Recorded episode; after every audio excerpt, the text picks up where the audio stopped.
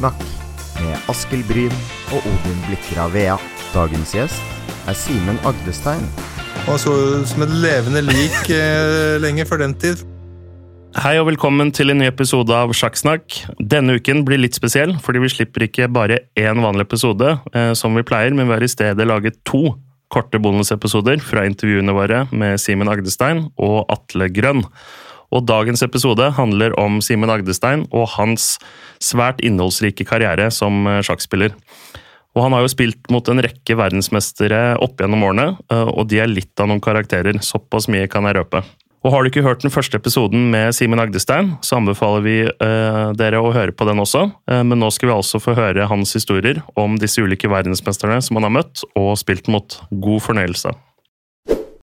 Men eh, Simen, la oss snakke litt om, eh, om deg og, og, din karriere. Um, har du oversikt over hvor mange verdensmestere du har eh, spilt mot i løpet av din Ja, det er et morsomt spørsmål. For at jeg har jo vitterlig møtt uh, altså verdensmester Vasilis Myslov, Wow. som var uh, verdensmester i 56-57, tror jeg. Ja. Eh, han var litt gammel jeg møtte han, så han satt og fomla med brikkene. Jeg klarte ikke å ta han helt alvorlig, så jeg spilte jo knallhardt på ginst i sluttspillet. eh, og tapte, da. Men det var for at så var alle så imponert over at han slo meg. Da var jeg på topp og god form og sånn. Ja, ja. Mens jeg satt der, og det var jo fordi jeg prøvde å vinne at han hadde tapt, da. Mm. Men, eh, men det greia etterpå skjønte jeg at han var nesten blind, da. Det er derfor han fomla med flytting Ja, av brikkene sine. Men han var jo kjempesterk. Han var jo VM-kandidat eh, godt opp i 60-åra. Spilte Mm. mot Kasparov og røk ut først da. ja. The Hand, som de kalte han. Og så møtte jeg Michael Thal diverse ganger. Oi, oi, oi. Og din store helt. Ja, ja, fantastisk, Trollmannen fra og- Riga. Fantastisk type. Masse man skal si som han.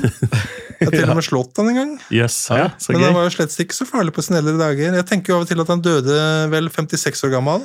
Jeg kan jo se for meg det partiet, egentlig, for han, han var jo veldig glad i å gi bort brikker. Og du var veldig glad i å ta brikker. Så jeg tror det var litt sånn mismatch. Men han, han, han ø, ofret et par brikker mot meg, og det var Ja. kjempeskummelt. jeg møtte den første gangen, Men på sine eldre dager altså Jeg møtte den vel eh, Første gang da var han kanskje 50 år, eller noe sånt. da. Mm. Altså, eh, Han drakk jo som bare det. altså Vi snakker sånn sprit om flaske litt eh, sprit om dagen-aktig. Satt jo opp hele natten og spilte lynsjakk med folk på 1500 rating og sånt.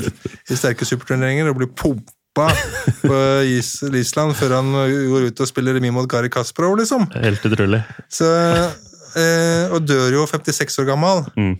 Like gammel som jeg er nå. Ja. Og han så ut som et levende lik eh, lenge før den tid, før han døde. siste 20 år. Jeg må, Liksom. si, jeg må si du holder deg hakket bedre ja, enn det Tal gjorde eh, på samme alder. Men eh, han fikk jo sjansen. Det var jo gamle sovjettiden, og det var ingen som Alle likte Tal. Mm. Han var ingen fare for at han skulle stikke av og emigrere eller noe sånt. Nei. Eh, så det var jo han som fikk sjansen om og om, om igjen. Så han var ikke så farlig på sine eldre dager. Men eh, så fikk han av og til et eh, magic-parti, da. Mm. Og så masse stå og hei og tal og bow wow. Og Tal Det samme ja, men det var jo på 60-tallet at han holdt på og briljerte, da. Mm. Han var liksom i tidlig 20-åra. Ja. Nettopp. Og så møtte jeg jo Spaske, da. Tigran Petrosjan, som var verdensmester etter Tal. Altså eh, Botvinnik eh, Regner vi ikke med Mikael Botvinnik. Han eh, var jo verdensmester diverse ganger. Fra 1948, vel, første gangen. Han regnes vel som sjakkens på en måte far, eller Sovjetunionens Ja, Patriarken, liksom, Ja. borti der. mm. Men han spilte jo ikke mye sjakk. Men han vant disse VM-matchene. Og når han tapte dem, så hadde de jo privilegier. Han fikk en returmatch året etter. Ja. Og så var det hvis det ble 12-12, så ble han sittende. Best av 24 partier. Så Tigran Petrosjan tror jeg heller ikke var nødvendigvis så utrolig sympatisk uh, type. Det var mye sånn hetsing mot Viktor Kortsjny, for eksempel. Mm. Men han så jo kjernesund ut, men han sannelig døde han også rundt 56 år gammel, tror jeg. Petrosjan. Petrosjan, Ja. jeg tror han døde relativt tidlig, da. Fra Armenia, egentlig. Men han- Sovjet, da. Mm. Men Spassky derimot, Boris Spassky, han var jo Kjernesund og en strålende type. og Utrolig sympatisk og på alle tenkelige måter. Mm. Og han kjenner vi alle til fra VM-kampen 72, eh, hvor han tapte denne berømte VM-kampen mot Fischer. Eh, og han Jeg har jo sett en dokumentar, eh, 'Bobby Fischer Against the World', veldig ålreit eh, dokumentar om Fischer og den VM-kampen, og han fremstår veldig sympatisk, eh, som du sier. Spassky, Eh, altså. Spassky var Han kunne bare sagt eh, nei når som helst når Fischer gikk bananas, Ja. så han får blitt verdensmester. Mm. Han bare sa greit, greit, greit til alle disse horrible kravene til Bobby Fischer. Mm. Så uh, Jeg kan jo bare skyte inn da, I fjor så var det jo 50 år siden denne matchen. og Da dro jeg til Island med, med David Howell og intervjua han uh, som arrangerte VM-kampen. Uh, hva er det han het igjen? Gudmundur eh, Gudmundur, et eller annet. Veldig hyggelig kar. Slutter på sånn. Nå er han oppe i, oppe i 80-åra. Ja, Gudmundur eh, sånn, et eller annet. Eh, men han, han jeg, stilte, jeg rakk å stille han ett spørsmål, og så snakka han i to timer om denne matchen, om alt som skjedde, og hvor vanskelig Fischer var, og hvor mye press han var under. Og, og han sa det samme at ikke sant, Spassky kunne jo når som helst Han, han nekta å, å møte opp, eller nekta å fortsette matchen overhodet. Og vunnet tittelen, da. Men han ville jo på en måte det viste jo vel at han også var en sportsmann da, som, som ville vinne eh, redelig. Og, eh, og han hadde jo masse press på seg fra regimet i Sovjet og oh, ja. alt det der. Så, Det var jo det kom den enslige amerikaneren i 1972, den kaldeste krigen på sitt kaldeste. ja, ja. Så begynner han å slå sovjeterne i deres nasjonalidrett. Mm. Helt utrolig. Eh, Men når var det du da selv spilte mot uh, Spassky? Jeg møtte han i 1983. Da var litt piffen gått ut av han. Mm. Da ville han bare reise rundt og spille tennis og drikke vin og leve herrens glade dager. Spille kort remier. Så slo jeg han, da. Mm. Så det var jo stas for meg. Men det var ikke noe stort parti, da. Det var et såkalt møkkaparti. Men det er en fin skalp å ha da, på, på CV-en. Ja da, det var, eh, det var stas, det, altså. Men jeg har nettopp lest litt om Spassky, for han sørget jo for at Bobby Fischer liksom gjorde comeback da, 20 år etter 1972, altså 1992. Mm. Så kom jo Fischer, forsvant jo bare. Mm. Og da fikk jo liksom Spassky han tilbake, men da var jo Fischer blitt klin gæren, for å si det rett og slett. Ja. Si det sånn, da. Han var jo bare opptatt av å hetse jøder og Altså, Det var ikke noe sympatisk bilde som dukket opp av Fischer der. Og jeg har jo faktisk gjort litt research på denne returkampen, eh, hvor de møttes da i 92 på Svetti Stefan eh, i Montenegro, dagens Montenegro. Og da var det en eller annen eh, lur eh, eh, serber eller noe da, som hadde diska opp med fem millioner dollar i prispenger, eh, som var helt vanvittig den gang, og særlig med tanke på at det ikke var i verdenstoppen lenger. Han ble, jo, han, ble jo, han ble jo senere arrestert for noe hvitvasking og noe greier. da. Eh, Ja, ja. og så er det vel, og en liten fun fact. Min stemor er fra, er fra Serbia. og hennes venninne var massøren til både Spassky og Fischer under den returkampen i, to, i 92. Eh, og, og Fischer eh, måtte ikke da få vite om det her, at hun eh, ga behandling til begge to. Det var i hvert fall eh, viktig. Ah, ja, det, Så- ja, han var ganske paranoid, da, ja. Ja. Så, Jeg har også lest om den matchen. Bob, eh, dette var jo ikke helt korrekt å drive og få penger fra, på den måten der. Nei, nei. Så det var masse styr om det. Men Boris Baski fikk ikke noe eh, PS pga. det. Bobby Fischer måtte jo risikerte jo fengselsstraff i USA og sånt Mm. videre for å bryte sånn FN-boikott osv. Så videre. Ja, det var jo sånn handelsboikott med Ja. Jugoslavia eh, den gang. Så han fikk jo varsel fra FBI eller hvem det var, og bare spytta på det Stemmer. brevet på pressekonferansen. Og retur returnerte jo aldri til USA etterpå. Og så vinner jo Spaske første parti i stor stil, Mm. men så går han runder, så, spiller, så vinner jo plutselig Spaske noen partier. Og Det som skjer da, er at Spaske er kjempenervøs. Mm. For Hvis han vinner for mye, så vil jo, så vil jo fort vekk Fischer bare trekke seg. Og da går jo hele penger, alle de pengene ad undas. Så da må man liksom ikke spille for godt heller. nei, nei. Ikke at han ikke han skal bli sur, da. For en eh, absurd situasjon. Eh, og så kommer jo da Fischer tilbake eh, og vinner. Og stikker av med tre millioner da, dollar av den premiepotten. Så ja, ganske Mens Baske sikret seg sin pensjon. Ja. Han hadde jo da klart i, i all vennlighet også emigrert til Frankrike. Etter at han ble mista den VM-tittelen i 72. Så fikk han noe trøbbel i Sovjet.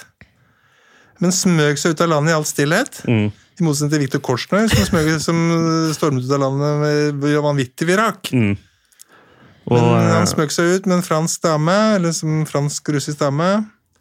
Men forble altså, fortsatte å representere Sovjet. ja, nettopp. For det som det som var dealen, da. Mm. Og, og etter Spassky, hvilke andre verdensmestere? Jeg, jeg møtte jo Karpov noen ganger. Ja. Så, Hvordan, hvordan var han? Eh, er første gangen var 1984. Eh, helt håpløst. Altså, han sitter også nistirra. Altså, jeg var jo 16 år. Sitter han eller 17, og sitter han der som verdensmester og suverent, og så bare sitter og niglor på meg inn i øynene. Eh, Sånn holdt han på. Ja. Hva er dette for slags oppførsel? Hadde jeg vært nå, så hadde jeg bare sagt dommer. Det der er fullstendig uakseptabel oppførsel. Sitter han og prøver å syke, syke meg ut? Ja, ja. Så det var eh, Jeg tapte jo, da. Han var jo, hadde utstråling, men så møtte jeg han igjen i 91-92. Da var all den der greia der gått helt ut av han. Da gikk han rundt i en sånn slefs, slafsete dress, og det var ikke noe stirring lenger. og Jeg spilte match, jeg vant to, det ble 2-2, da. Jeg vant et parti hver. ja. Kult. Jeg må bare skyte inn eh, at jeg har møtt han um, Spassky. Eh, aldri over brettet, men jeg ble gratulert av han i forbindelse med at jeg vant en sånn Challenger-turnering i Gibraltar. For han var der på sånn æresbesøk, og da kom han og hilste på meg. Han var blid og glad, og det virker som han har tatt mye gode livsvalg. da. Jeg var veldig fornøyd, og jeg, selv om jeg vant den, så var jeg liksom litt deppa fordi eh, jeg tror det var at jeg tok bay i første runde. Og så vant jeg påfølgende fire runder, så jeg fikk fire og et halvt poeng. Så var det jo en eller annen type da, som jeg syntes var dårlig, da, selvfølgelig, som hadde sneket seg opp på samme poengsum.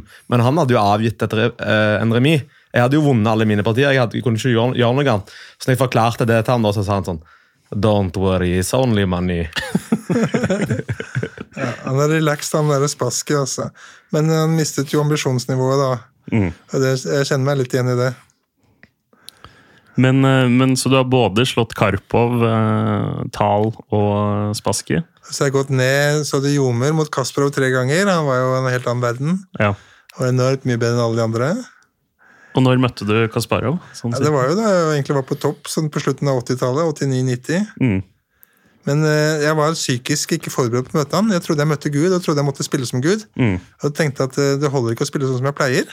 Mm. Så dette har jeg vært veldig oppmerksom på når eh, vi hadde noe sånn simultanopplegg med Kaspro noen år seinere med mine elever. Mm. Hvor eh, Harald Borchgrevink på 2200 rating spiller remis mot Kaspro. Stemmer det. Det var i New York. Ja. Ja. Og Leif Erlend avslo eh, Remitilbud med mot Kasparov. Såpass, ja. Kasprov var jo så bestyrta. For han er jo eh, Det er total krise å bare avgi noe som helst noen gang, uansett om man møter folk på under 1800 rating, liksom. Altså Simultan han skal jo være 150% sikker på at han vinner alle partiene. Mm. Eh, alle mulige sånne forhold, da, med betenkningstid osv. Men da, apropos stirring, da, eh, og at Karpov var en sånn eh, som eh, kunne bruke det, så har vel Kasparov òg en del sånn uttrykk eh, ved brettet. Ja, det er veldig og- slitsomt å møte Kasparov, for han har jo så enorm utstråling. Og sitter der, Han jo en levende computer, som han ansa. Du kunne hver tid lese på ansiktsuttrykkene han, hvordan han syntes, hva han selv syntes om stillingen sin. Mm. Så det var eh, eh, et enormt eh, personlighet, enormt ego. Og han var jo ikke sånn kompis, han hang jo ikke med de andre. og sånt, og Han var fra en annen verden, altså Kasparov. Og var jo mye, han var jo forut for sin tid, da. For Det var jo noe med det. Han brukte computer, han hadde team, han gjorde alt mulig sånt noe som de andre nå gjør i dag. Men eh, som ikke, de ikke gjorde da.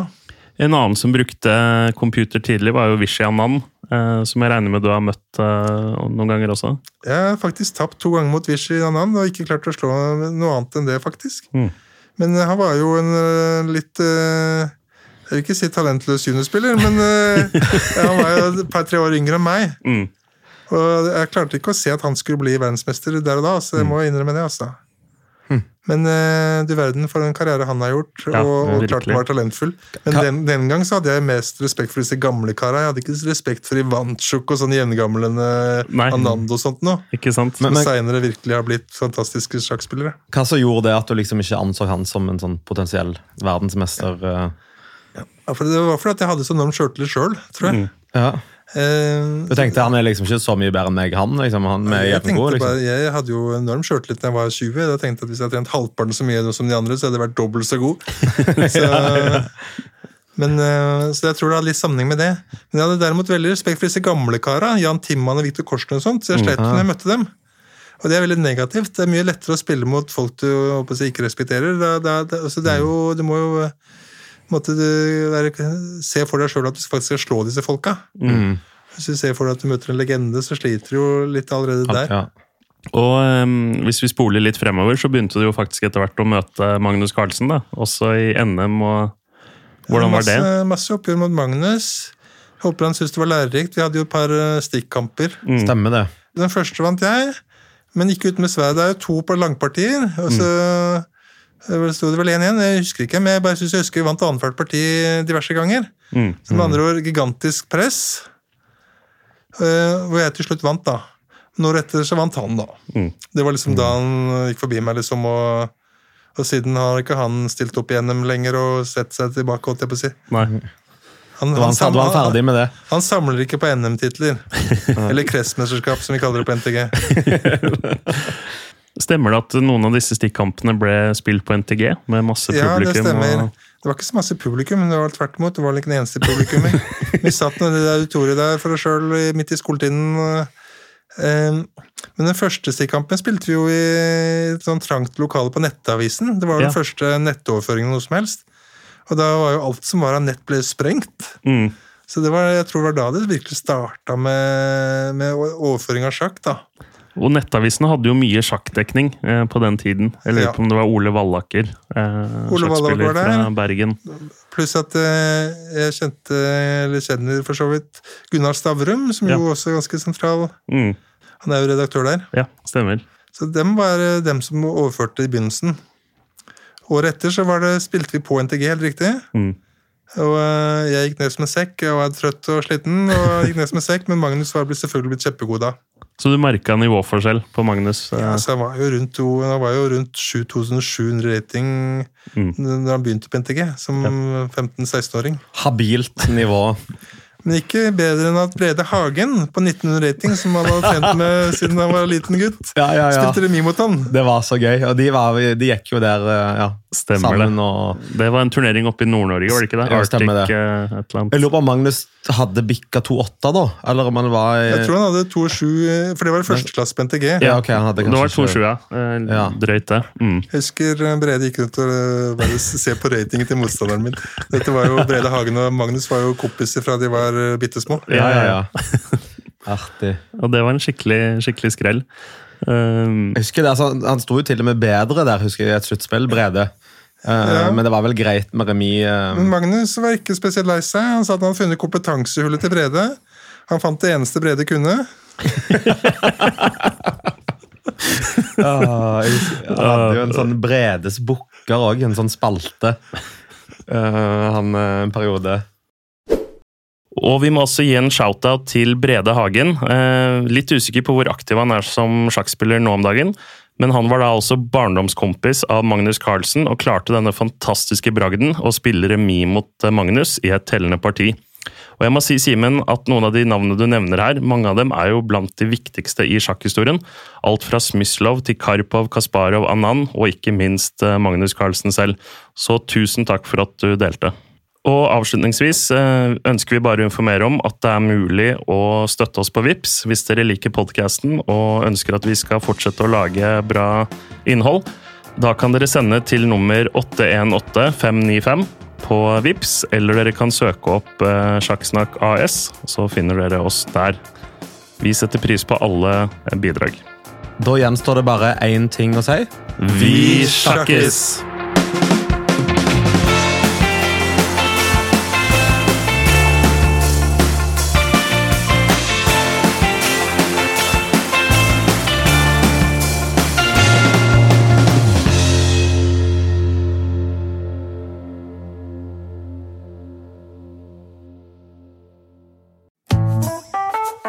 Har du et enkeltpersonforetak eller en liten bedrift?